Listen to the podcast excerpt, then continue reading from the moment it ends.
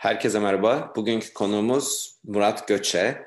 Murat Göçe 1979 yılından beri Türk bilişim sektöründe teknikten satışa, takım liderliğinden ülke müdürlüğüne kadar çeşitli pozisyonlarda hizmet veren biri.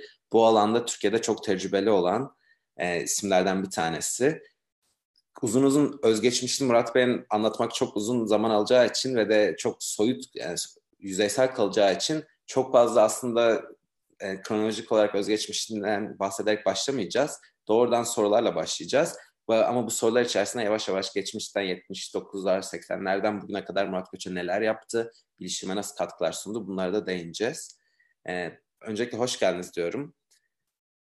Ee, kısaca Merhabalar. aslında ilk ilk günlerden aldığınız lisans eğitiminden kısaca bahsederek başlamak istiyorum eğer sizin için uygunsa. Sonra bilişim sektörüne nasıl ilk işiniz neydi, nasıl başladınız, o dönemlerde Türkiye'de bilişim sektörü nasıldı bunlar da kısaca sohbet ederek başlamak istiyorum. Bir de yani başta söylemeyi unuttum özür diliyorum. Bugünkü sohbetimizin konusu ya da başlığı Murat Köçe ile başarısızlık üzerineydi.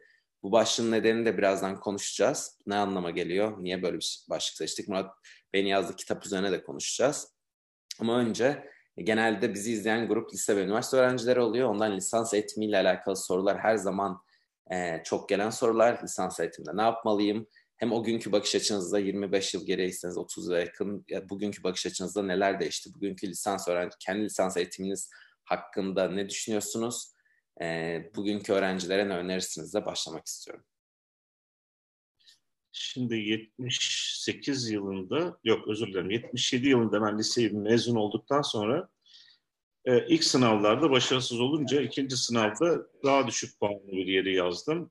O da iki yıllık Boğaziçi Üniversitesi elektronik yüksek teknisyenliğiydi. Yani şu an yaptığım işle hiçbir alakası olmayan bir bölümdü. Başladım. Tabii içimde hep bir pişmanlık oldu. Niye lisans yazmadım da ön lisans diye. Sonra mezun olmaya yakın işte iki yıllık bir okul bu zaten. Çok iyi geçindiğim bir hocam şirkete e, okula gelen bir şirket temsilcisine beni tavsiye etmiş. Halbuki benden daha iyi öğrenciler vardı. Ama ben hocamla çok iyi geçiniyordum. Dolayısıyla aslında hayatta da bu derslerden birisidir. Yani kim olur sizden büyüğünüzle hem yaş olarak hem mevki kim varsa iyi geçinmek lazım diye bir ders çıkartılacak bir öyküdür bu. Hocam da beni tavsiye etti. O zamanların 10-15 bilişim firmasından birine girmiş oldum. Daha sonra bu bilişim firmasında hızlıca basamakları yükseltin, yükselince, atlayınca şirket sahibim dedi ki ya sen şu lisans öğretimi de tamamlar mısın? kimseye çaktırmadan her akşam giderek Yıldız Teknik Üniversitesi elektrik mühendisliğini de bitirdim. Sırf lisans diplomam olsun diye.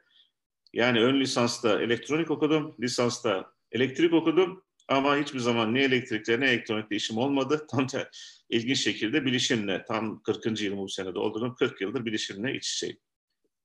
Teşekkür ederiz cevabınız için. Genelde aslında bize çok gelen sorulardan bir tanesi bilişimci olmak için bilişim okumak gerekiyor mu sizce oluyor? ya da bilgisayar mühendisi veya bilişim mühendisi. Bu konuda ne düşünüyorsunuz? E, bu benim tabii bu anlattığım az önce anlattığım ülke çok güzel bir örnek teşkil ediyor. Ben elektronik okudum ama dediğim gibi bilişimciyim. İlk yıllarında akşamları eve bütün ders kitapları gibi bütün o bilgisayar kitaplarını götürüp bütün gece sabahlara kadar çalışırdım. E, aradaki açığı kapatmak için. Kısa sürede de bir üniversitede alınacak eğitime benzer bir eğitimi pratikte aldım ve tahsilimde bilişim bilgisayarla ilgili bir eğitim alma alma açığını kapatmış oldum. Bence şart değil. Olsa biraz kolaylaştırır iş tabii ki. Teşekkür ediyoruz cevabınız için.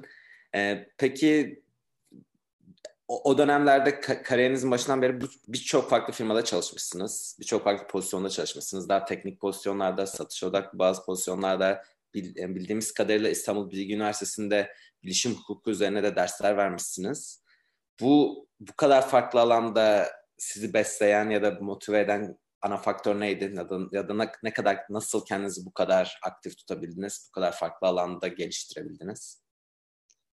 Ya aslında tabii akış biraz kontrol dışında da gerçekleştiği zamanlar oldu. Yani hani eskilerin tabiriyle ekmek parası amacıyla çabalarken biraz da rüzgarın nereye savurduğuyla alakalı olarak neredeyse bilişim alanında her işi yaptım. Yazılımcılıktan, donanımcılığa, teknisyenlikten, işte müdürlüğü, ülke müdürlüğü, hocalık derken bütün hepsini yaptım.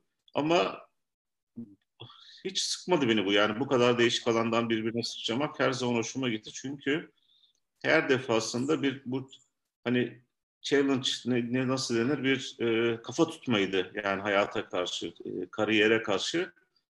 E, o her bir challenge'da da ben kendimi daha bir motive edip bu mücadeleye daha hızlı hazırlandım.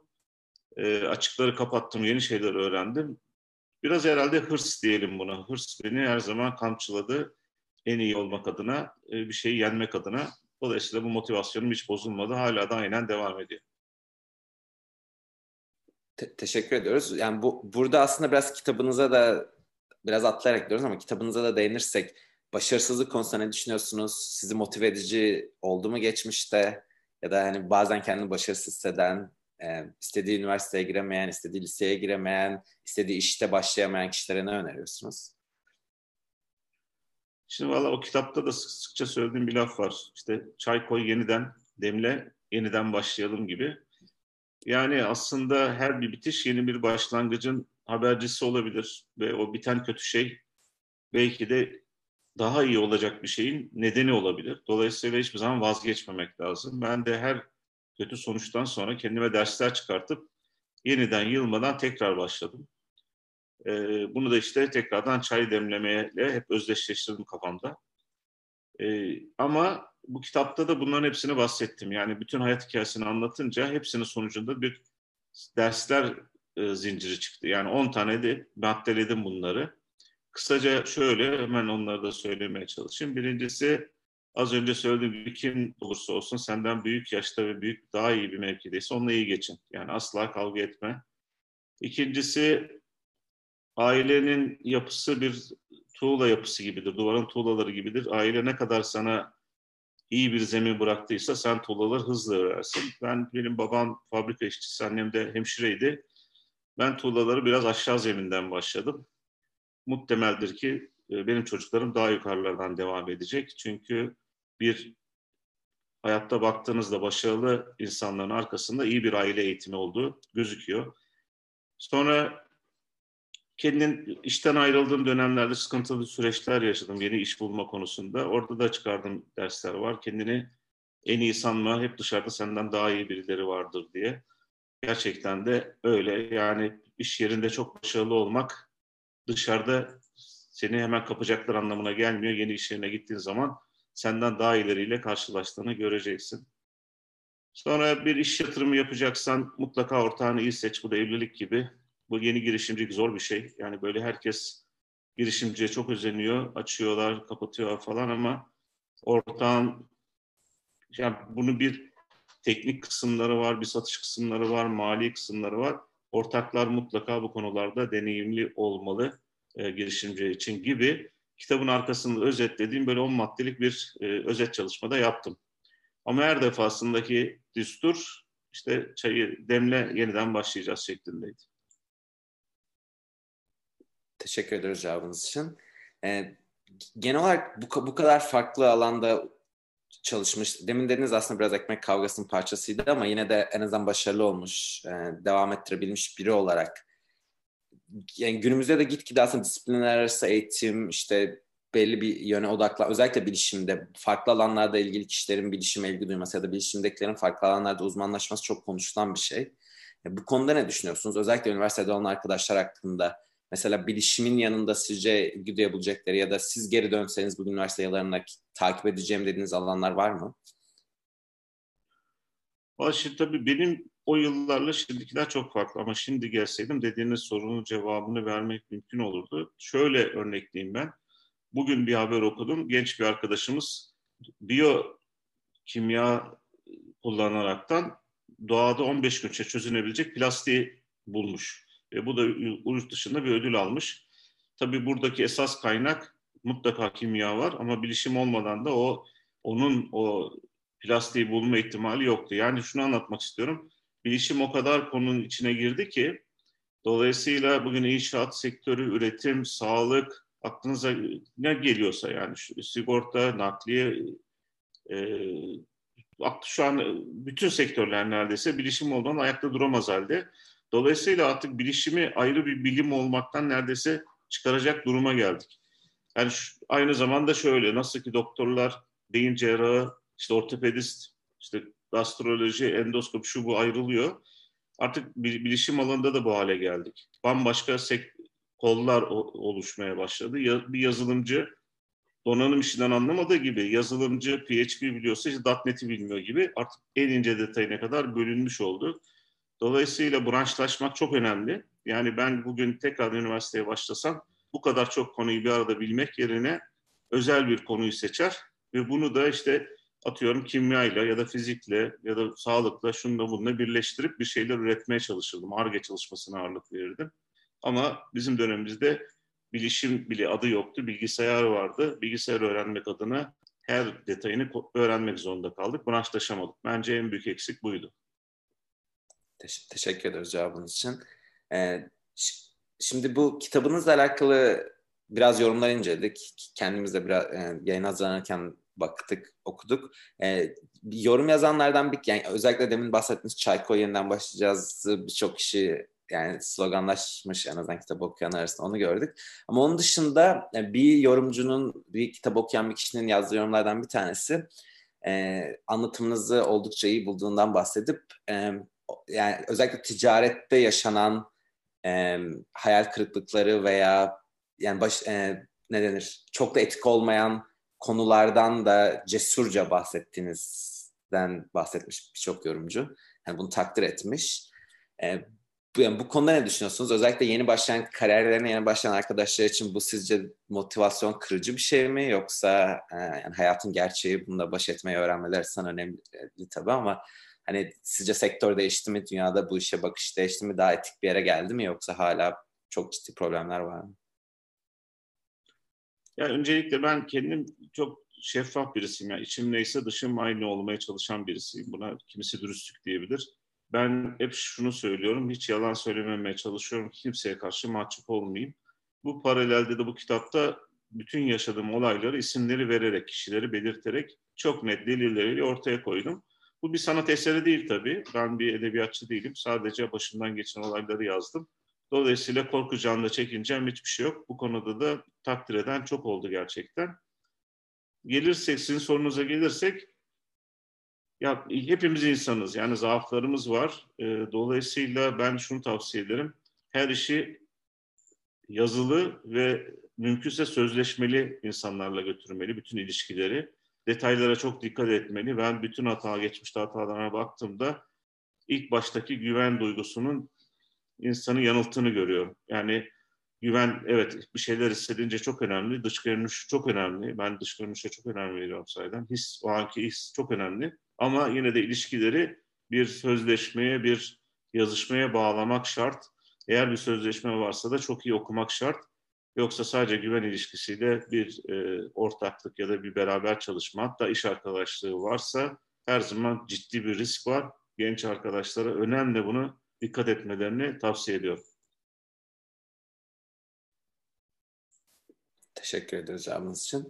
Ee, peki genel olarak bugün devlet tabanlı özel sektör tabanlı bilişim kurumlarının geliştirdiği kurumsal faaliyetler yeterli mi diye bir soru gelmiş. Ee, buna bilişim üzerine odaklanan dernekleri de dahil etmiş soruyu soran arkadaşımız. Sizce özel sektör daha fazla ne yapabilir, devlet daha fazla ne yapabilir, gerek, geliştirilmesi gereken noktalar, özellikle geliştirilmesi gereken noktalar sizce neler diye sormuş. Şimdi soru aslında çok parçalı. Şöyle ki sektörü dört ana kola ayrılmak lazım. Biri kamu, özel sektör, akademi ve dernekler. Yani dördü de birbirinden farklı faaliyet gösteriyorlar. Kamuyu önce bakmak gerekirse, kamu her tabii kendi yapısı gereği biraz ağırdır. Yani teknolojik görece daha geç, e, geç takip eder. Bizim kamuda çok değerli bu işte takip eden yani bu konuyla ilgili insanlar var. Onlara da buradan selamlarımızı yolluyoruz. Ama bir hata içinde olan devlet kurumları yok değil. Bunlar da e, kendi bünyelerinde kadroları çoğaltıp e, bir takım çözümleri kendileri yapmaya çalışıyorlar. Bilmiyorum yani yurt dışındaki yapılarda tam nasıldır ama kamu biraz daha bu hizmetleri dışarıdan almalı, outsource etmeli diye düşünüyorum. E, özel sektöre gelirsek, özel sektörümüz maalesef bilişim alanında biraz finansal sıkıntıları olan bir sektör. Finans gücü yok. Finans gücü olan 10-15 tane belki hadi diyelim 20-30 tane firma var. Onun üzerinden işleri götürmeye çalışıyor. Dolayısıyla ARGE çalışmaları, ürün geliştirme konuları görece zayıf ama yeni gelen nesil bu teknokentlerde özellikle güzel yazılımlar ortaya çıkartıyorlar. Ama onların da pazarlama yönleri çok zayıf. Startuplar onun için teker teker maalesef e, hüsranla bitiyor sonuçları. STK'ları değerlendirirsek, STK'lar şu an Türkiye'de maalesef en zayıf, en çalışmayan paydaş durumunda. Hepsinin e, biliyorsunuz STK'lar gönüllülük usul, usulüne göre çalışır. Gönüllü insanların verdiği çabalarla çalışır. Pek Türkiye'de bu iş yürümüyor. Benim bildiğim bilişim sektöründe 40'tan fazla STK var. Yani bizim sektör için oldukça fazla. Hepsi de birbirinden ayrı işler yapmaya çalışıyor. Dolayısıyla ortaya çıkan sonuç da pek parlak olmuyor. Gelelim akademi kısmına. Sayeden çok değerli hocalar var tartışmasız ama onlar da özel sektörden uzak. Yani bizim bütün Türk milletinin belki de özelliği tam hani çok da kötü bir şey söylemek de istemiyorum ama biz bir araya gelemiyoruz. Yani aslında bizim yapmamız gereken bu saydığımız sorunun da anasını oluşturan, çekirdeğini oluşturan bu dört paydaşın yani kamu, özel sektör, akademi ve derneklerin bir araya gelip çalışması. Belki de bunun öncülüğünü yapacak olan dernekler, zaten amacı da budur derneklerin. Bunu başaramadığımız için biz daha ziyade sektör olarak tüketen sektör durumundayız. Üreten sektör sınıfına maalesef henüz geçemedik. İstisnaları saymıyorum tabii. Dünya çapında gelişen projeler var. Fintech'te işte bu bir takım e, özel sektör çalışmaları da var. Dünya çapında yatırımlar aldılar. Ama genel anlamda baktığımız zaman ARGE ve ürün geliştirme konusunda Türkiye maalesef zayıf. Herhangi bir markamız yok. Unicorn zaten hiç yok. Dolayısıyla kötü gidiyoruz biraz. Cevabınız için teşekkür ediyoruz. Ee, şimdi yine benzer benzer değil aslında tamam ama yine ülke durumuyla alakalı bir soru. Bir ülkenin gelişmişlik az gelişmişlik seviyesine baktığımızda teknoloji toplum ilişkisi sizce bu gelişmişliğin bir göstergesi oluyor mu? Teknolojiyle ülke gelişmişliği arasındaki bağlantıyı nasıl görüyorsunuz demiş.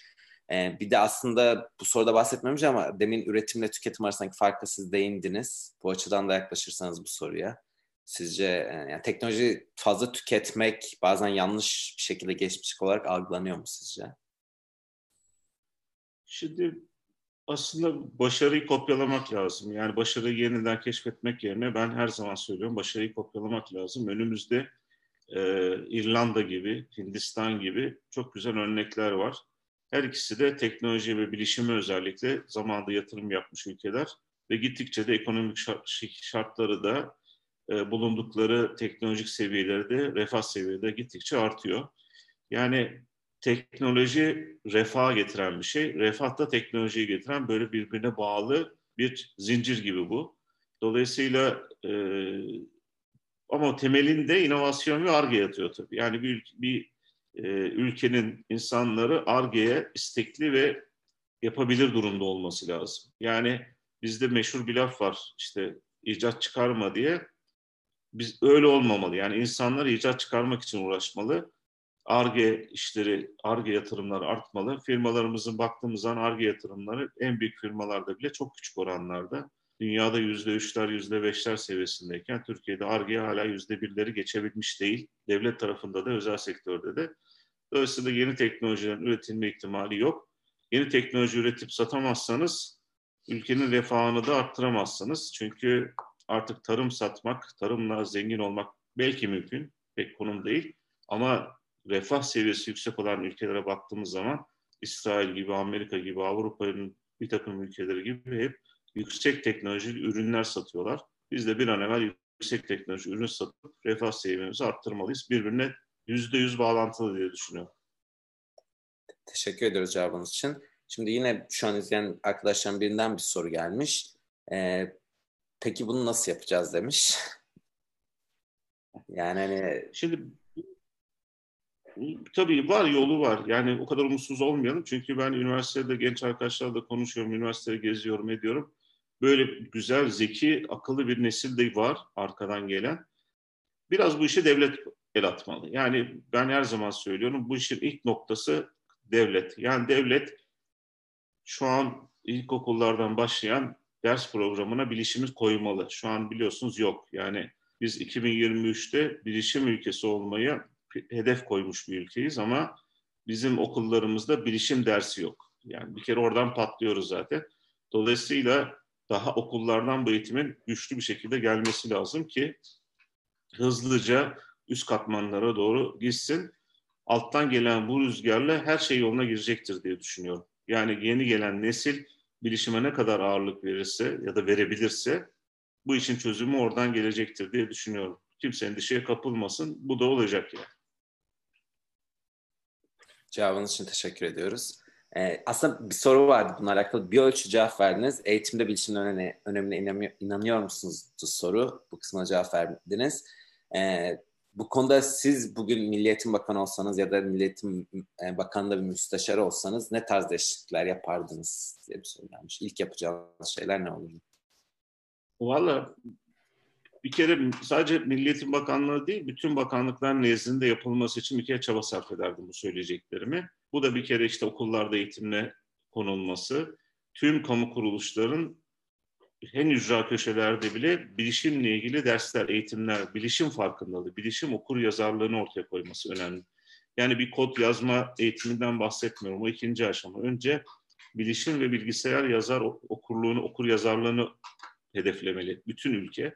Her şey bilişimde. Zaten büyüklerimiz de bunu görmüşler ki 2023'teki hedefimizi bilişim ülkesi demişler. Yani orada bir sıkıntı yok. Fikir olarak aynıyız ama pratikte baktığımızda bu yok. Niye? Çünkü devletin bütün kurumları, bütün noktaları, bütün uç noktaları buna sahip çıkmalı. Yani bu ne demek? Valilikler, belediyeler, e, bakanlıklar mümkün olduğu kadar bu bilgisayar okur yazarlığını arttırmalı. Dünyanın, şey, Türkiye'nin her yerinde bunu uygulamaya çalışmalı. Bundan sonrası kendiliğinden gelecektir diye düşünüyorum. Teşekkür ederiz cevabınız için. E, bizi izleyen, şu an izleyen bir öğretmen arkadaşımız sormuş. Kendisi e, anladığım kadarıyla yani öğretim alanı e, ne olduğunu belirtmemiş ama biz öğretmenler olarak ne yapabiliriz? Bu konuda materyal malzeme toplamakta zorlanıyoruz demiş.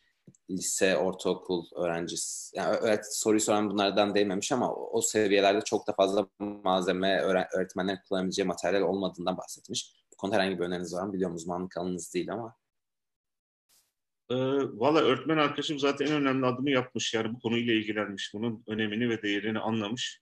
E, bütün öğretmenlerimiz aslında madem ki henüz ülke çapında komple topyekun bir şey yapamıyorsak bireysel olarak elimizden gelen en iyisini yapacağız. Bu öğretmen arkadaşının da diğer öğretmen arkadaşlarının da elinden geldiğince internet denilen sonsuz kaynaktan faydalanıp kendilerini geliştirecekler ve genç nesillere bunu aktarmaya çalışacaklar. İdeal kez değil, doğru ama madem ki devletimiz henüz bu adımları gerçekleştiremiyor, öğretmenler olarak, ben de kendimi bir öğretmen olarak kabul ediyorum. Biz hepimiz öğretmenler olarak elimizden gelen en iyisini yapıp gençlere bu eğitimleri vermek zorundayız. Bireysel çabalarla olacak. Yapacak başka bir şey henüz yok. Teşekkür ederiz cevabınız için. Eğitimle alakalı birçok kişinin ilgisini çekiyor herhalde. Epey, yani birkaç tane daha soru geliyor ama başka konulara geçilmek için son bir soruyla eğitim konusunu bağlamak istiyorum. Yani, ilginç bir soru bence. Demiş ki soruyu soran izleyicimiz, her ne kadar yavaş yavaş bilişim teknoloji dersleri olmaya başlasa da bu konular, robotik eğitimi vesaire özel okullar tarafından reklam, tanıtım amaçlı çok fazla kullanılıyor. Yani işin özüne inmek yerine bir reklam haline, reklam aracı haline dönüştürüldü. Bu konuya katılıyor musunuz? Ne düşünüyorsunuz? Ee, hani yanlış mı yorumlanıyor, yanlış mı bakılıyor? Bunu vermeye çalışanlar çok fazla tanıtım odaklı bu işe yaklaşıyor demiş. Şimdi tabii bir markanın sahibi olan kişinin görevi bu ürünü satmak. Yani o kişilerin bunu böyle yapmasından daha doğal bir şey olamaz. Yani sizin bir ürününüz var, bunu satmaya çalışıyorsunuz. Bunu insanlara öğretmek, eğitmek yerine ürünü satmak için önceliğinizi alırsınız. Dolayısıyla bunun böyle oluyor olması için kimse suçlamamak lazım. Bunu hep söylediğimiz gibi işte akademisyen kamu tarafının üstlenip insanlara ondan anlatması lazım. Özel sektörden bunu beklemek bu markayı, bu ürünleri satan insanlardan bunu beklemek, bunu eğitim, eğitim amaçlı anlatmalarını istemek haksızlık olur. Herkesin bir görevi var. Özel sektörün görevi bunu satmak. Kamu ve akademinin de görevi bunu insanlarımıza doğru anlatmak, bunun eğitimlerini vermek. Birbirine karıştırmamak lazım, onları da suçlamamak lazım diye düşünüyorum. Teşekkürler cevabınız için. Dediğim gibi konumuzu değiştiriyoruz. Şimdi yine şu an izleyen arkadaşlarım birinden bir soru gelmiş. Ee, arkadaşının yorumu gördüğüm kadarıyla diyor başarısının en büyük nedeni çalışma arkadaşlarını doğru seçmesi. Bunu yaparken nelere dikkat ediyor? Birazcık çalışma arkadaşları kısmına değil ama hani iş hayatına nelere dikkat ettiğinizden çok çok kısaca bahsettiniz ya da nelere dikkat etmesi gerektiğinden. Ama özellikle çalışma arkadaşları özelinde soruyor bu soruyu. Çalışma arkadaşlarına dikkat etmenin faydası tabii ekip çalışması her zaman çok önemli. O anlamda hiçbir itirazım olmaz. Ama en önemli unsur o değil. En önemli unsur şu, çok çalışma. Hani çok klasik bir şey gelecek ama özellikle bizim bilişim sektöründe çok çalışılacak, dürüstçe çalışılacak ve e, hani biraz da zeki olunacak diyelim. Hani bu, bu başarıya giden yol bu üçüyle, üçünün bir araya gelmesiyle. Sonra zarar görmemek için iyi ekip seçilebilir. Ekibi seçtikten sonra bunlar sözleşmeler, şunlar bunlar yazılı hale getirilebilir kendini garantiye almak için. Ama dönüp dolaşıp geldiğimiz nokta diğer sektörleri bilemiyorum. Belki doktorlar da aynıdır mesela. Onlar da çok çalışıyor. Çok fedakar doktorlarımız var. Bilişimcilerin de hiçbir farkı yok. Bilişim alanına giriyorsa arkadaşlar önemli vurguluyorum. Çok çok çalışmaları gerekiyor. Öyle mesai saati 8 saat işte hafta sonu eğleneyim bizim sektörde maalesef yok. Çok çok çalışmak gerekiyor. Çalışmanın benim şöyle bir lafım var diyorum ki iyi yapılan her iş karşılığını bulur. Yani çok çalışıp bir şeyi iyi yapıyorsan bu bazen para olarak, bazen manevi olarak, bazen kariyer olarak sana mutlaka faydalı bir şekilde geri dönecektir diyor. Cevabınız için teşekkürler. Ee, benzer bir soru gelmiş. Aslında bir ölçü benzer. Kendisi işe alırken işe alımda nelere dikkat. Valla beni tanıyanlar söyle bizim iş görüşmeleri, benim yaptığım iş görüşme 5 dakikaya geçmez. Bütün her şeyi 5 dakikada çözerim. Şöyle ki çözerim dediğim, e, çözdüğümü sanıyorum. Birincisi açık olmalı karşımdaki kişi. Neyi bilip neyi bilmediğini çok net ifade edebilmeli. Yani bilmediğini anlayabilecek deneyimdeyim. Biliyorsa da görebiliyorum. Dolayısıyla bir kere şeffaf olmalı. İkincisi zeki olduğunu anlamalıyım. Üçüncü dürüst olduğunu anlamalıyım geçmişteki kariyer, tabii okulu, geçmişteki yaptığı işler, mezun olduğu lise, ilkokul hatta bir, an, bir yere kadar önemli tabii ama benim için çok daha önemli olan üç şeyi tekrar ediyorum. Açık birisi olmalı, şeffaf. Bir miktar zeki olduğunu hissetmeliyim. Üç, çalışa, çalışkan olduğunu görebilmeliyim. Yani hazimli ve istekli olduğunu görebilmeliyim. Cevabınız için teşekkürler. Ee, yine bu yayından önce gelen bir soruyla devam etmek istiyoruz.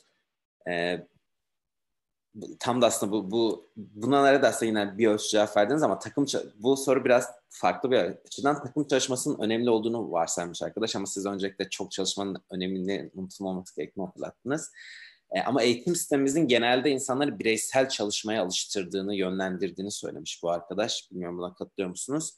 E, ya bu kişiler için psikolojik bir bariyer oluyor demiş. Zorlanıyorlar takım çalışması yapmaya. Buna katılıyor musunuz yoksa bu bir mazeret mi sizce? Valla benim dönemimde grup küme çalışmaları diye bir çalışmalar vardı. Ta bu 70'li yıllardan bahsediyorum. Yani çok önceki yıllarda takım çalışmasına yönlendirme oldukça fazlaydı. Milli eğitim sistemi onun üzerine kurgulanmıştı. Ama galiba zaman içerisinde bu biraz gevşedi ya da amacından saptı. Aynı şekilde gitmiyor. Takım çalışması elbette önemli ama ya biraz da bu kişisel galiba. Hani ben bu konuda çok böyle illa takım çalışması diyebilecek kişilerden birisi değilim. Ben daha çok bireyselden hareket eden birisiyim. Çünkü kaptanlar liderliğe çok önem veriyorum. Önce bir kaptan, önce bir lider, önce olmalı, sıkı birisi olmalı, ekibini de iyi kurmalı. Yoksa iyi insanlar bir arada olduğu zaman her zaman başarı gelecek demek değil. Bence hepsinden önemlisi iyi bir liderin olması, iyi bir yöneticinin, iyi bir liderin, iyi bir kaptanın olması hepsinden daha önemli. Teşekkür ediyoruz cevabınız için. Yine şu an gelen sorulardan bir tanesi. Bilişim okur yazarlığından bahsetti Murat Bey demiş. Az önce bahsettiniz. Kademeli olarak teknoloji bilişim okur yazarlığını insanlarda nasıl dikkat çekici hale getirebiliriz? Bu konudaki görüşleri nedir demiş. Valla bence zaten teknoloji ve bilişim insanların alakasını çekiyor. Yani gün geçmiyor ki e, televizyonlarda, basında, işte sosyal medyada haberler görmüyoruz. En son bir bankamız bir güvenlik saldırısına uğradı. O akşam sabaha kadar çalışamadı. Yani bir bankanın çalışamaması tamamen bilişimle alakalıydı. Düşünün yani bir banka sonuçta çok önemli bir sürü işletmenin ve insanların bağlı olduğu bir kurum e, bilgisayar, bilişim yüzünden çalışamaz duruma geldi. Bu bugün banka, yarın sağlık sistemi, yarın ulaşım sistemi, uçak, radar, hatta nükleer santralları olabilir. Dolayısıyla bu tür olaylar hep başımıza geliyor, insanların ilgisini de çekiyor. Bence ilgide bir eksiklik yok, ilgi var ama ilgi daha ziyade kullanma, tüketme yönünde, üretme yönünde ilgiyi arttırmak lazım. Üretme yönündeki ilgi için de eğitim sisteminden başlayan bir dizi çalışmaya gerektiriyor. Ama şu hani bir ara dedim ya şu icat çıkarma lafından büyüklerimizin bizim kafamıza sürekli söylediği laftan öncelikle kurtulmamız gerekiyor. Herkesin icat çıkarması gerekiyor. İcat çıkartalım. inovatif, yenilikçi hareketlerde bulunalım. Ee, dolayısıyla sonucunda mutlaka iyi bir yere varılacaktır. Ama ilgi zaten var. Teknolojiye ülkemizin ilgisi var. Teşekkür ediyoruz tekrar cevabınız için. Ee, biraz farklı bir alandan yine izleyen arkadaşlardan soru gelmiş ve izleyen arkadaşlar bir kere daha hatırlatayım. Yayın sırasında gelen sorular her zaman öncelik veriyoruz. Ee, beyin göçü hakkında ne düşünüyor diye sormuş. Ee, beyin göçüne bakış açısınız, açısı nasıl diye sormuş. Ee, Valla ben hani çok ülkemi seven ve bu ülkede kalmak için çaba sarf etmiş birisiyim ama beyin göçünde olan arkadaşlarıma hiçbir lafım olamaz. Çünkü ben insanların mutluluğundan önce önce insanların mutluluğu sonra ülkelerin mutluluğu diye düşünenlerdenim. Dolayısıyla insan kendini yurt dışında başka ortamlar daha mutlu hissedecekse, hedefine daha iyi, daha kolay erişebileceğini hissediyorsa durmasın gitsin. Yani o hiçbir sıkıntı olmaz. Bize düşen, biz yaşça büyükleri ya da belki e, devlete düşen diyelim, o beyin göçüyle giden arkadaşlar burada tutabilmek. Biz bunu beceremiyorsak giden arkadaşlar söyleyecek hiçbir lafımız yok. Ama hani şöyle bir tavsiye niteliğinde de bir şey söyleyeyim. O giden arkadaşların da hepsi mutlu oluyor. Orada da pembe böyle gülistanlık bir hayat olmadığını da bilsinler. Yurt dışında yaşamak, tutunabilmek, kariyer elde edebilmek böyle anlatılanlar gibi değil. Çok zor. Ben yurt dışında çok bulundum biliyorum. Çok zor ama gidiyorlarsa da e, saygıyla karşılarım. Karşı değilim yani. Biz onları tutmalıyız. Teşekkür ederim cevabınız için. Ee, bir hukuk öğrencisi bir arkadaşım sormuş. Bilmiyorum hani sizin size sorulabilir, size sorması gereken bir sorun bu ama girişimci olmak istiyorum. Başarısız olurum diye çok korkuyorum demiş. Bunu yenmek için ne yapmalıyım diye biraz motivasyonel bir soru sormuş. Süper. Her e, önce çay koyup başlasın. Hemen bir çayla başlasın bu şey. E, korkmasın ya. Girişimcilik çok güzel bir şey. Çok keyiflidir. Her atılan adamdan adımdan sonra çok keyif verir insana bence başarısız olma ihtimali var. Ama tekrardan toparlar, tekrar başlar, bir daha yapar. Yani korkacak hiçbir şey yok. Keşke korkma, başarısın diyebilsem. Yani başarısız da olabilirsin, başarılı da olabilirsin. Ama mutlaka denemelisin. Yani sende bu soru varsa bu da şu demek, sende bir girişimci ruhu var demek. Bu girişimci ruhunu sakın öldürme ve bir an evvel girişimciliğe soyun diye de tavsiye etmiş olayım arkadaşıma. Teşekkür ederiz tekrar. Ee, yine az önce söylediğiniz şeyle alakalı bir soru gelmişti. Biraz önce Türkiye'de aslında bazı başarılı ya da başarılı olma potansiyeli olan girişimler olduğundan bahsettiniz. Ama bir yandan da özellikle pazarlama konusunda eksik kaldıklarını söylediniz. Bu konuda ne yapabiliriz? Ee, özellikle üniversite üniversite eğitimi, şu an üniversite eğitimi alan ve girişimcilik hevesi olan, hayali, ideali olan kişiler kendilerini bunu nasıl hazırlarlar diye bir soru gelmiş. Şimdi kısa bir anekdotla bu konuyu güçlendireyim. Şöyle ki bir dönem 2000'li yılların başında iş arıyordum ve beni bir yere satış müdürü olarak görüşmeye çağırdılar. Firmaya gittim. O zamanın teknolojisiyle işte sunucu client e, yazılımını otomatik olarak web tabanlı yazılıma çeviren bir uygulamadan bahsettiler. Bunu yapmışlar ve yaklaşık 7 sene uğraşmışlar. Devletten de teşvikleri almışlar falan. Ama hiç satmak akıllarına gelmemiş. Satmak ya da tanıtmak akıllarına bile gelmemiş. Ve para da bitmiş. Parayı da yemişler. Bana geldiklerinde biz bunu şimdi ne yapacağız? Para bitti. Çok güzel bir yazılım var. Nasıl satacağız dediler. E, satabilmek için mutlaka pazarlama bütçeniz olması lazım. Tanıtabilmeniz lazım. Firmalara gidip anlatabilmeniz, bununla ilgili kadro oluşturmanız lazım. Allah'tan daha sonra bu firmayı Microsoft satın aldı ve rahata erdiler. Ama bu durumda olan şu an teknokentlerde olan bir sürü firma biliyorum ben. Bir tane müşterileri var ve o müşteriye çalışıyorlar. Gidip pazarlama çalışmanız ne durumda deyince bizim pazarlama ihtiyacımız yok. Zaten müşterimiz hazır. Biz parayı kazanıyoruz diyorlar. Dünya böyle değil. Bir anda o firma sizi bıraktığı zaman ortada kalırsınız. Bilinir bir marka olmak lazım. Kendinizi ortamlarda göstermeniz, tanıtmanız lazım. PR lazım. Her zaman görünürde olmanız lazım. İşte onun içindir ki işte Coca-Cola'sı, işte e, büyük markalar yani Turkcell'i baktığınız zaman hala reklam yapıyorlar. Eğer reklama ihtiyaç olmasa zaten onların olmazdı. Demek ki reklam yani gözü önünde bulunmak, PR yapmak herkesin ihtiyacı. Bu arkadaşların yapması gereken işte böyle programlarda benim gibi büyüklerinden, abilerinden tavsiyelerini dinleyecekler. Ne olursa olsun kişisel PR'larını, markalarının PR'ını ve şirketlerin PR'ını, reklamını yapacaklar. Yani bunun yolu yok. Ben kitabımda da söylediğim gibi hayat kendimizi işe ve eşe pazarlamakla başlar. Yani kendinizi evlenmek için eşinize pazarlarsınız. Sonra da ürününüzü satabilmek için hatta kendinizi işe aldırmak için kendinizi pazarlamayla devam eder. Pazarlama olmadan hayat olmaz diyoruz. Teşekkür ederiz cevabın için. Bir tane farklı alandan bir soru gelmiş. Teknoloji ve politikacı ilişkisi konusunda ne düşünüyor demiş. Bu konuda geçmişte günümüz arasında bir fark var mı? Ee, şöyle fark sanırım yok. Yani geçmiş dönemde de teknolojiye çok yakın siyasetçilerimiz, politikacılarımız vardı. Ve bugün ne, ne olduysa onların desteği sayesinde oldu diyebiliriz. Bugünlerde de var bizi destekleyen bu bilişime özellikle teknolojiye ve bilişime dolayısıyla destek veren büyüklerimiz, politikacılarımız var. Ama onların böyle küçük çaplı sayıca küçük olan e, destekleri yeterli olmuyor. Bunun bir ülke politikası, bir hükümet politikası, devlet politikası olması gerekiyor. Partiler üstü bir durumdan bahsediyorum. Dolayısıyla o aşamaya gelmeden Türkiye'de bilişimin üretken olması, inovatif olması, ARGE yatırımlar yapılması mümkün değil. Devlet bunu komple sahiplenmeli. Birkaç politikacıyla, birkaç siyasetçiyle bu iş olmuyor maalesef. Cevabınız için teşekkürler. Ee, yine şu an izleyen arkadaşlardan gelen bir soru. Üniversite okurken günümüzü ve gelecekteki vizyonu kaçırmamak için neler yapmalıyız demiş ve bu az önce hukuk öğrencisi olan arkadaşın sorusu tekrar. Yani bu girişim yapmak isteyen ve bunun için kaybedilen arkadaşın sorusu. Arkadaşla ben tanışmak isterim bu arada. Ee, güzel sorular.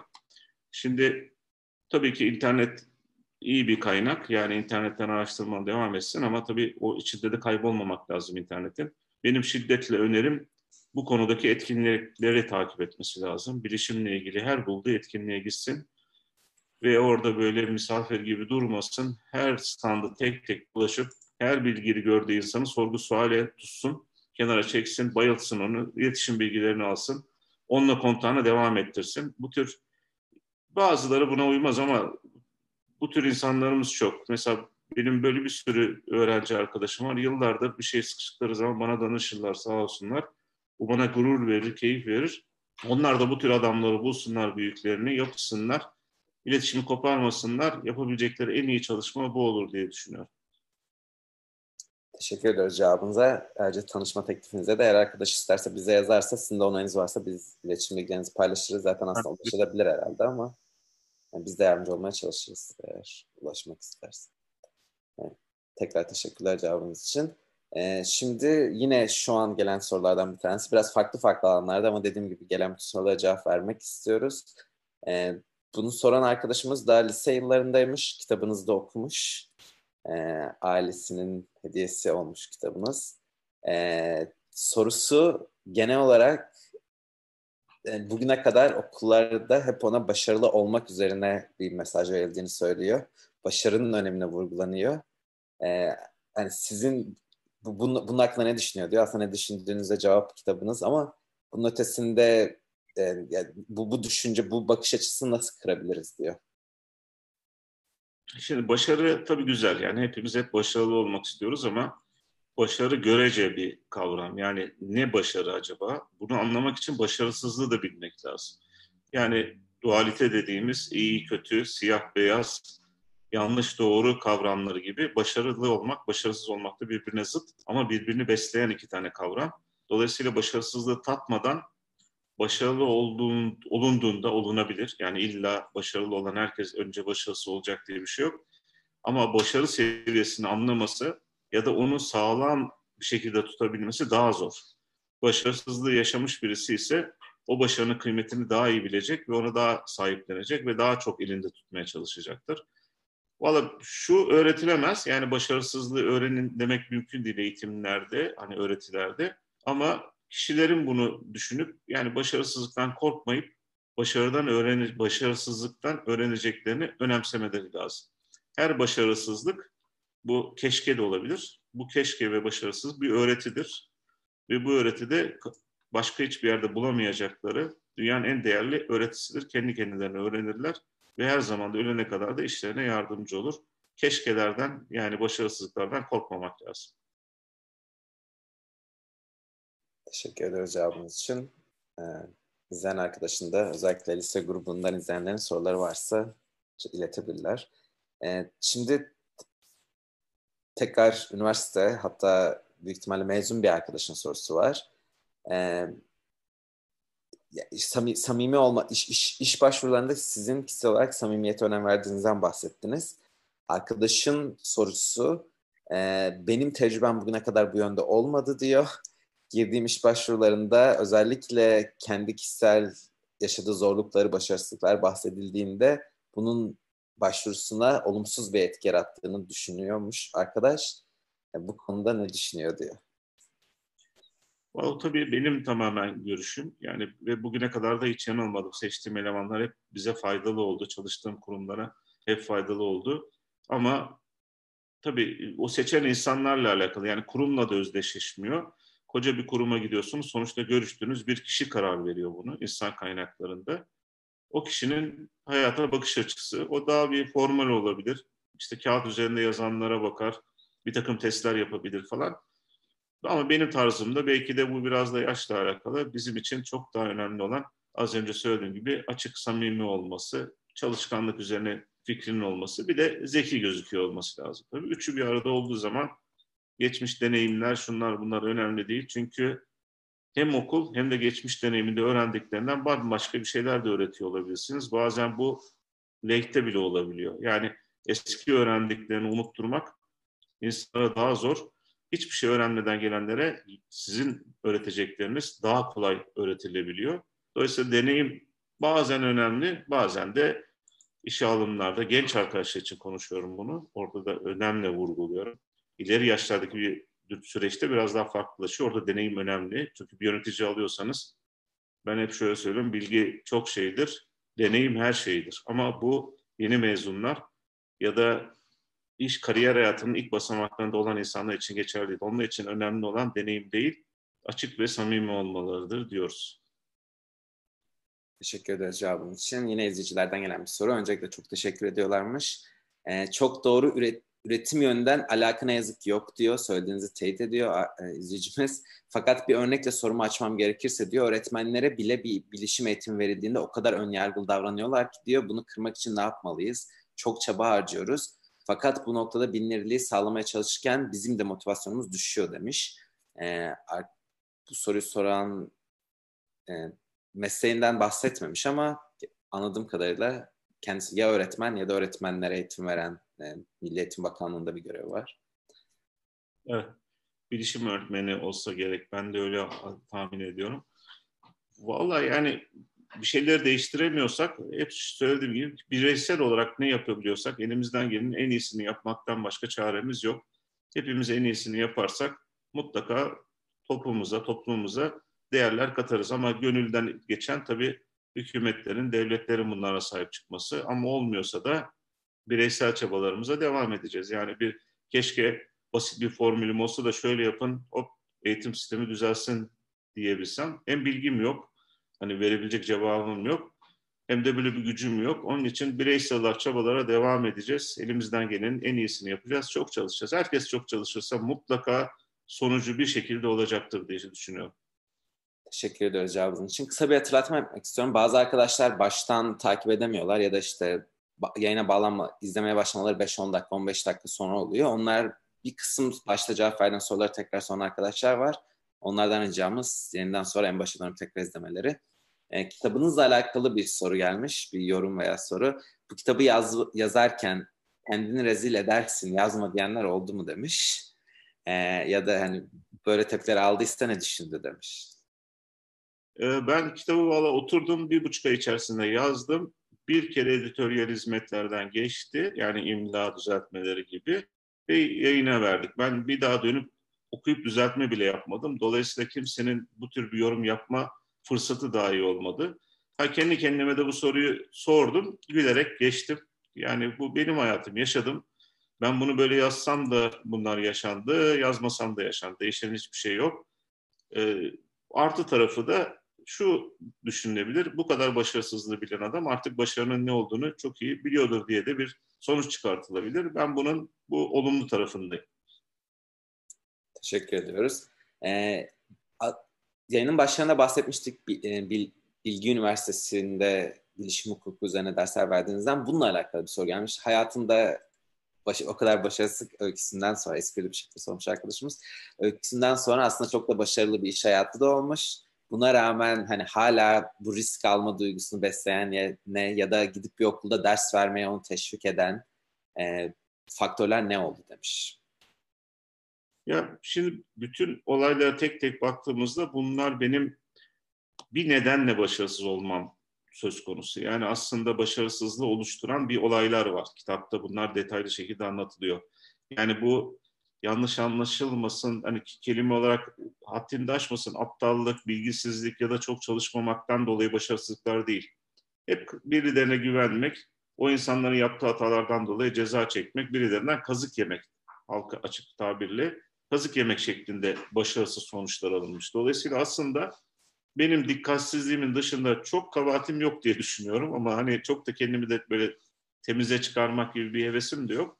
Dolayısıyla çok güceneceğim bir şey yok. Yani şu oldu bundan dolayı bu iş olmadı, şu oldu bundan dolayı bu iş olmadı gibi bir öyküm var. Ama bu süreçte hep bilgilerimi tazeleyip yeni yatırımlarla, yeni işlerle, yeni ataklarla kendimi de geliştirdiğim için bir üniversitede, bu da master seviyesinde bir dersti. Öğrencilerim emniyet müdürleri, savcılar ve hakimlerdi. Başarıyla derslerimi de sundum. Bundan dolayı da bir eksiğim olduğunu sanmıyorum. Sadece Niye bıraktım? Onun soruyu da açıklayayım madem buraya kadar geldi. E, derse katılan savcılar çok bilgisizdi. Hakimler ve savcılar, avukatlar. Ama polisler, emniyet müdürlüğünden gelen, siber suçlar gelen müdürler çok bilgiliydi. Sınıfta çok bilgililerle çok bilgisizlerin bir karışımı bir oluşum oluyordu. Ben bunu ayarlayamadım. Yani çok iyiden mi gitmedi, çok azdan mı? Çok iyi anlatsam diğerleri anlamıyor. Aşağı düşsem öbürkileri sıkılıyor falan. Burada e, başaramadım, doğrudur. Ama o bilgiye sahiptim. Dolayısıyla böyle bir dersi vermem için hiçbir neden yoktu. Zaten teklif üzerine gitmiştim. Çok da memnun, güzel bir kariyerimde güzel bir hatıra oldu. Teşekkür ederiz cevabınız için. Şimdi yine bir tane e, girişimcilikle alakalı bir soru gelmiş. Girişimcilikte deneyimimiz çok değilse ama bu işe ilgi duyuyorsa, duyduğunu varsayıyoruz izleyicimizin ilgi duyuyorsa rekabetin az olduğu, az getirisi olan alanlara mı yoksa rekabetin çok ama getirisi yüksek olan alanlara mı yönelmeliyiz demiş. Kısacası rekabete kaçmalı mıyız, rekabete aramalı mıyız. Bence yanına iyi bir orta kalıp, güçlü bir orta kalıp, güçlü bir şekilde rekabeti çok olsun ama geliri de yüksek olsun. Böyle kendinden emin şekilde oraya girsin. Yani küçük işlerle, küçük e, rekabetlerle, küçük karlarla uğraşacak bir hamleye girmesine hiç gerek yok. Yeter ki yanındaki ortağı ya da ekibi sıkı olsun, onun açıklarını kapatacak kişiler olsun. En iyi şekilde en büyüğüne girsin. Çağımız için teşekkür ediyoruz. Bir de az önce e, mesleğini merak ettiğimiz izleyicimiz bilişim eğitmeniymiş. Aynı zamanda bilgisayar mühendisiymiş. Nezaketiniz için de çok teşekkür ediyormuş kendisi. Cevaplarınız için aynı zamanda. Biz de izleyen herkese teşekkür ediyoruz.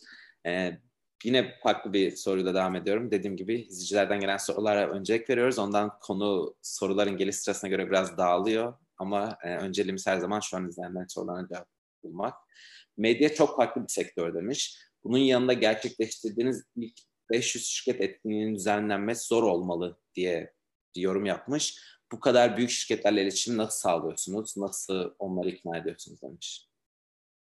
Şu an lideri oldum, yöneticisi olduğum şirket 25 yıllık bir şirket. Dolayısıyla bilişim sektöründe çok iyi tanınıyor. Ekipte de çok deneyimli, iyi arkadaşlar var. İlişkileri çok iyi. Benim ve onların biraz kişisel ilişkileri, biraz da bu şirketin güvenilir ve eski olması nedeniyle ilişki kurmakta zorlanmıyoruz. Dolayısıyla ama ama dolayısıyla değil ama e, çok uzun bir çalışma gerekiyor. Biz bu bilişim 500'ü çıkartabilmek için 8-9 aylık bir çalışma e, yapıyoruz. Yani zor bir süreç. Hala da bu bilişim 500 e, araştırmasına bilgi vermeyen birçok da firmamız var. Onların da gelmesi için ayrıca çaba gösteriyoruz. Gönül isterdi sektörün bütün firmaları bu bilişim 500'e bilgi versin. Elimizde daha da kapsamlı, daha da güzel bir araştırma olsun. Valla biz 8, 8 ay içerisinde sadece sektörün %20'sinden bilgi toplayabiliyoruz 8 ay boyunca çalışaraktan. Ee, zor bir süreç ama sonuçları keyifli oluyor. Güzel bir törenle de ödülleri de dağıtıyoruz. Böyle de devam edecek inşallah. Teşekkür ederiz cevabınız için. Yine izleyen, şu an izleyen arkadaşlardan bir soru daha. Ee, bu izleyen arkadaşımız mühendislik öğrencisiymiş ama algoritma kurmada, algoritma yani algoritma ile problem çözmede, çözüme yaklaşma konusunda zorlanıyormuş. Ee, ne önerir bana diyor. Hangi programı öğrenmeliyim? Hangi programı öğrenmeliyim demiş. Programlama dilini mi kastediyor yoksa tam olarak neyi kastediyor bilmiyorum ama genel olarak mühendislik öğrencisi olarak bu algoritmik bakış açısında problem yaşadığından bahsediyor. Valla ben de geçmişte bir dönem yazılımcı olmaya çalıştım. Sırf bu nedenden dolayı yazılımcılıktan vazgeçtim. Çözümünü bulamadım. Ama hani bu son zamanlarda çok moda olan bu kodlama eğitimleri var. Gerçi küçük yaştaki e, insanlar için ama belki o kodlama eğitimlerinin hani biraz daha ileri seviyesi falan faydalı olabilir. Eğer burada da bir sonuç alamıyorsa yazılımcı olmasın yanlış yolda diyebilirim. Yani en önemli kısmı o algoritma. Algoritmada başarısızsa iyi bir yazılımcı olma ihtimali çok zayıf. Teşekkür ederiz bu, konu, bu, bu cevabınız için de arkadaşın da kolaylıklar diliyoruz. Ee, ben açıkçası bu ülkede bu alanda tek şirket misiniz bilmiyorum ama soruyu son arkadaşımız ülkede bu alanda tek şirket olmak sizleri rekabet alanından sıyırıyor bir anlamda demiş. Ee, bu konuda ne düşünüyor demiş. Bizim tek olduğumuz konular var evet. Bilişim 500 araştırması tektir Türkiye'de. Ee, teknoloji yayın anlamında hala kağıt üzerinde olup her hafta e, okuyucularıyla buluşan yayın anlamında da tekiz. Biz bundan mutlu değiliz inanın. Yani iki nedeni var. Birisi yanımızda rakipler olsa pazar büyür. Onlar da bir çabalar. Biz bir yerden çabalarız. Pazarı büyütürüz. İki, ölçümleyemiyoruz tabii. Hani az önce bahsettiğim gibi dualite konusu. Karşılaştırma yapamıyoruz. Biz ne kadar başarılıyız, neredeyiz anlamak için bir ölçü olması lazım. Rakip olmayınca bunlar olmuyor. Keyifli gibi gözükse de inanın e, ben keşke rakiplerimiz olsaydı, bizi zorlasaydı daha işler çıkarabilseydik diye düşünüyorum. Ee, inşallah olur bugün diyelim. Teşekkür ederiz yorumunuz için. Süremizin sonuna geliyoruz. Ee, yani eğer bir vaktiniz varsa bir 5-10 dakika uzatıp soruları toparlayarak sormak istiyoruz. Ee, dediğim gibi Elbette. bazı arkadaşlar daha önce sorulan ve cevaplanan soruları tekrar tekrar soruyor. Onlardan ricamız başı dönüp izlemeleri. Ee, dediğim gibi toparlayıcı sorular devam edersek bir tanesi e, rakibimiz olsa iyi olur de, de, dediniz demiş. Uluslararası alanla açılmayı böyle bir girişimiz var mı? Ne düşünüyorsunuz diye sormuş. Yani farklı farklı marketlere açılmak istiyor musunuz demiş. Çok çok istediğimiz bir şey. Ee, bunun için çabalıyoruz da. Ama gücümüz şimdilik bu kadar. Daha fazlasını yapmaya yetmiyor. Şey anlamında, finansal anlamda. Bir gün biz de bir güçlü bir yatırımcı bulursak ilk hedefimiz yurt dışına açılmak diyebiliriz. Teşekkür ederiz cevabınız için. Bilişim eğitmeni olan, bilgisayar mühendisi olan izleyicimizin tekrar bir sorusu var. Yani e, pazarlamadan bahsederken o ince çizgiyi, kendini, ürününü ya da hizmetini pazarlayanın hamlelerini biraz daha açabilir mi acaba demiş. Şimdi bu amatörce ise amatörce ise daha çok görünür olması lazım. Yani bu yazılar yazabilir, e, sosyal ortamlar, sosyal mecralarda bilimsel yazılar yazabilir, kendi konusuyla ilgili makaleler yayınlayabilir. Etkinliklerde dediğim gibi çok ciddi insanlarla tanışır, kendini gösterir, ön plana çıkarmaya çalışır. Mümkünse bir yerlerde konuşmacı olur, e, panelist olur, bir yerlere katkı sağlar. Yani kişisel PR dediğimiz kendini daha fazla göstermek, insanlara daha çok tanıştırmak ve network oluşturmak en yapılabilecek en akıllı pazarlama çalışmasıdır. Teşekkür ederim cevabınız için. Ee, aslında buna bir anlamda cevap verdiniz. Üniversite eğitiminin belli oranda önemli olduğunu söylediniz. Ee, ama iyi bir üniversiteyle ortalama bir üniversite arasındaki fark kapanır mı diye sormuş arkadaşımız. Örnek üniversite isimleri de vermiş. Ee, onları paylaşmayalım ama işte Türkiye'de daha çok bilinen üniversitelerle daha az bilinen üniversiteler arasında eğitim alanlar bu farkı nasıl kapatırlar? Ya da kapanır mı? Evet hem hayır. Şöyle üniversiteye ve tahsile değer veren bazı firmalar var. Uluslararası firmalar bir kısmı buna çok önem veriyorlar. Dolayısıyla iyi bir üniversiteden mezun bir de hani yurt dışında master yapmış öğrenciler daha ön planda oluyor. Yani bunların bir sıfır mücadeleye önde başlıyorlar. Ama diğer herhangi bir üniversiteden mezun hatta üniversiteden mezun olmayıp da çok başarılı olan, çok çalışan arkadaşlarımız da var. Bu arkadaşlar yetişiyorlar. Çok ciddi yerlerde yüksek görevler alabiliyorlar. Evet başta bir avantaj sağlar ama bu 30 yaşlara kadar, 30 yaşlardan sonra firmalar çok da özel firmaları saymıyorum. Yani dev, dünya devlerini saymıyorum. Onların çünkü ölçümlemesi biraz daha farklı. Ama ulusal firmalar 30 yaşı ve ilerisinden sonra pek diplomayla ilgilendiklerini sanmıyorum. Bir kriterdir ama çok da böyle her şeyi etkileyecek bir durum değildir. Kişiler bu açığı rahatlıkla kapatabilirler. Ben kişi, kısaca bir şey eklemek istiyorum. İzleyen arkadaşlarım bir kısmı biliyordur ama ben de 2010 yılından beri Silikon Vadisi'nde yaşıyorum. Oracle, Google ve Palantir'de çalıştım daha önce. Şimdi de Quip'te Salesforce satın aldığı ufak bir firmada çalışıyorum. Benim mesela çalışma arkadaşlarım arasında dediğiniz gibi üniversite mezunu olmayanlar var. Ama hani bir şekilde kendilerini eksiklerini gidermişler. E, o açığı kapatmışlar. Yani ilk elemede, ilk mülakat alma sürecinde özellikle büyük firmalarda, Silikon Vadisi firmalarında çok önemli oluyor üniversite ama onu bir şekilde hallederseniz içeriden referansla e, ondan sonra sadece sizin kendinize ne kattığınız ve aslında demin de dediğiniz yani bir 10-15 dakika önce demiştiniz büyük firmaların bakış açısı öyle ne teknoloji bildiğiniz değil de nasıl hızlı öğrendiğiniz size ölçmeye yönelik bütün mülakat süreçleri. Evet. Çok çok nadir geçmiş tecrübeleriniz. Yani te- tecrübelerde ne öğrendiğinizi önemli veriyorlar. Belli bir teknoloji veya belli bir aracı kullanıp kullanmamanıza değil. Ee, arkadaşım teşekkür ederim cevabınız için. Ee, şimdi kapatırken bir iki soru var. Bu yine izleyicilerden gelmiş. Kendinizi 5, 8 ve 10 yıl sonra nerede gördüğünüzü sormuşlar.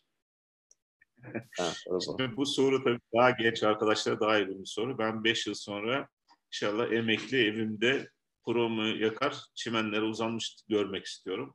Ama hani çalışmaya da çok alıştık. Umarım böyle bir fırsat olur. Tek idealim emekliye ayrılmak. O olmazsa e, bu firmayı yurt dışına açılmış, az önceki sorunuzun paralelinde uluslararası bir firma haline gelmiş. Ben de bunun ortağı ya da yöneticisi olmuş olmak isterim açıkçası. Ama ilk hedefim 5 yıl sonra emekli olmak. Teşekkür ediyoruz. E, ikinci sorumuz yine bu şu an izleyen arkadaşlarımızdan gelmiş. Ee, bir tane tavsiye verecek olsa şu an üniversitede okuyan bilişimci, bilişim alanında girişimci olmak isteyenlere ne tavsiye verir demiş. Tek bir tavsiye ve en önemli tavsiye ne olur demiş. Blockchain konusuna ağırlık versin derim. Hani ikinci de kuadro, e, kuantum bilgisayarlar geliyor. O konuyu da ihmal etmesin. Blockchain, ikinci de kuantum. Teşekkür ediyoruz. Üçüncü yine benzer bir soru e, kendi üniversite aslında buna bir ölçü cevap verdiniz ama üniversite zamanına dönse keşke bunu yapsaydım dediği şey ne olur demiş. Şunu yapsaydım çok iyi olur dediği birinci şey ne demiş? Ya Boğaziçi'nde lisansa geçip yani hani ön lisans okumuştum sonra Yıldız'a geçtim ama ben onu Boğaziçi'ne tamamlayıp iki senede master yapıp sonra Türkiye'ye gelmeyi çok isterdim. Beni çok avantajlı başlatırdı. Ama onun dışında keşke öbür bölüme gitseydim, şu olsaydı, bu olsaydı diyeceğim pek bir durum olmadı açıkçası. Teşekkür ederiz bu konudaki cevabınız için de. Ee, son sorumuzu soralım. Vaktimizde geç açtık zaten. Dediğim gibi genel sorular aslında benziyor. Ufak farklılıklar var ama genel e, genel anlamda cevap verdiniz zaten bence baştan beri. Çok da vaktinizi almamak adına. Şu an Türk yani şu an bilişim alanında sizce yani bir aslında bir genel bir soru canım bir az önce arkadaş tek tavsiyeniz ne olur diyor ama son sözleriniz bizi izleyen özellikle daha yolun başında olan lise üniversite öğrencilerine kulak yani hiçbir şey hatırlamazlarsa bu süreçten sizce hatırlamaları gereken ne olsun? Akıllarında ne kalsın? Bunu sormak istiyoruz. İkincisi aynı soruyu genç girişimciler için de sormak istiyoruz. Yani üniversiteyi bitirmiş, girişimi olan veya girişimci olmak isteyenler için. Ya aslında ikisine de vereceğim cevap aynı. Bu konuşmanın söyleşinde ana fikri oydu zaten. Başarısızlık üzerineydi. Hiçbir başarısızlık onları yıldırmasın. Gerçekten de kitabımı okularsa görürler. Bazı başarısız gören, gözüken olaylar aslında yeni bir başarının tohumları olduğunu gördüm ben hayatta yaşadım. Hiçbir şey gözüktüğü gibi olmuyor. Başarısızlık olan bir şey yeni bir şeyden habercisi oluyor. Yılmasınlar. Bu ben yaşamı engelli koşuya benzetiyorum. Yani engeller hiç bitmeyecek. Mühim olan engellere takılmadan atlayıp üzerinden geçivermek. Hiçbir zaman hayatınızda oh engeller bitti, oh ne rahat hayat diye bir şey yok iş hayatında. Hiçbir zaman olmayacak. Dolayısıyla başarısızlık durumlarında yılmadan tekrardan aynı azimle, aynı şeyle başarmak için çabalamaları, tabii bir önceki başarısızlıktan ders çıkarmaları en büyük nasihatim olur. Teşekkür ediyoruz. Teşekkür ediyoruz tüm cevaplarınız için. Pazar günü vaktinize bize ayırdığınız için pazar akşamı. E, izleyen arkadaşlara da teşekkür ediyoruz. YouTube'dan, Facebook'tan ve diğer yayınladığımız platformlardan gelen sorulara her zaman cevap vermeye çalışıyoruz. Eğer sorunuza cevap verilmiyorsa yayın sırasında lütfen bir daha sormaktan çekinmeyin. Dediğim gibi her zaman yayınlarda önceliğimiz yayın sırasında gelen sorulara cevap vermek. Ee, size tekrar çok teşekkür ediyoruz Murat Bey. İyi akşamlar. Ee, bizi izleyen herkese. Ben teşekkür ederim. Teşekkür ederim. Yeniden çıktı.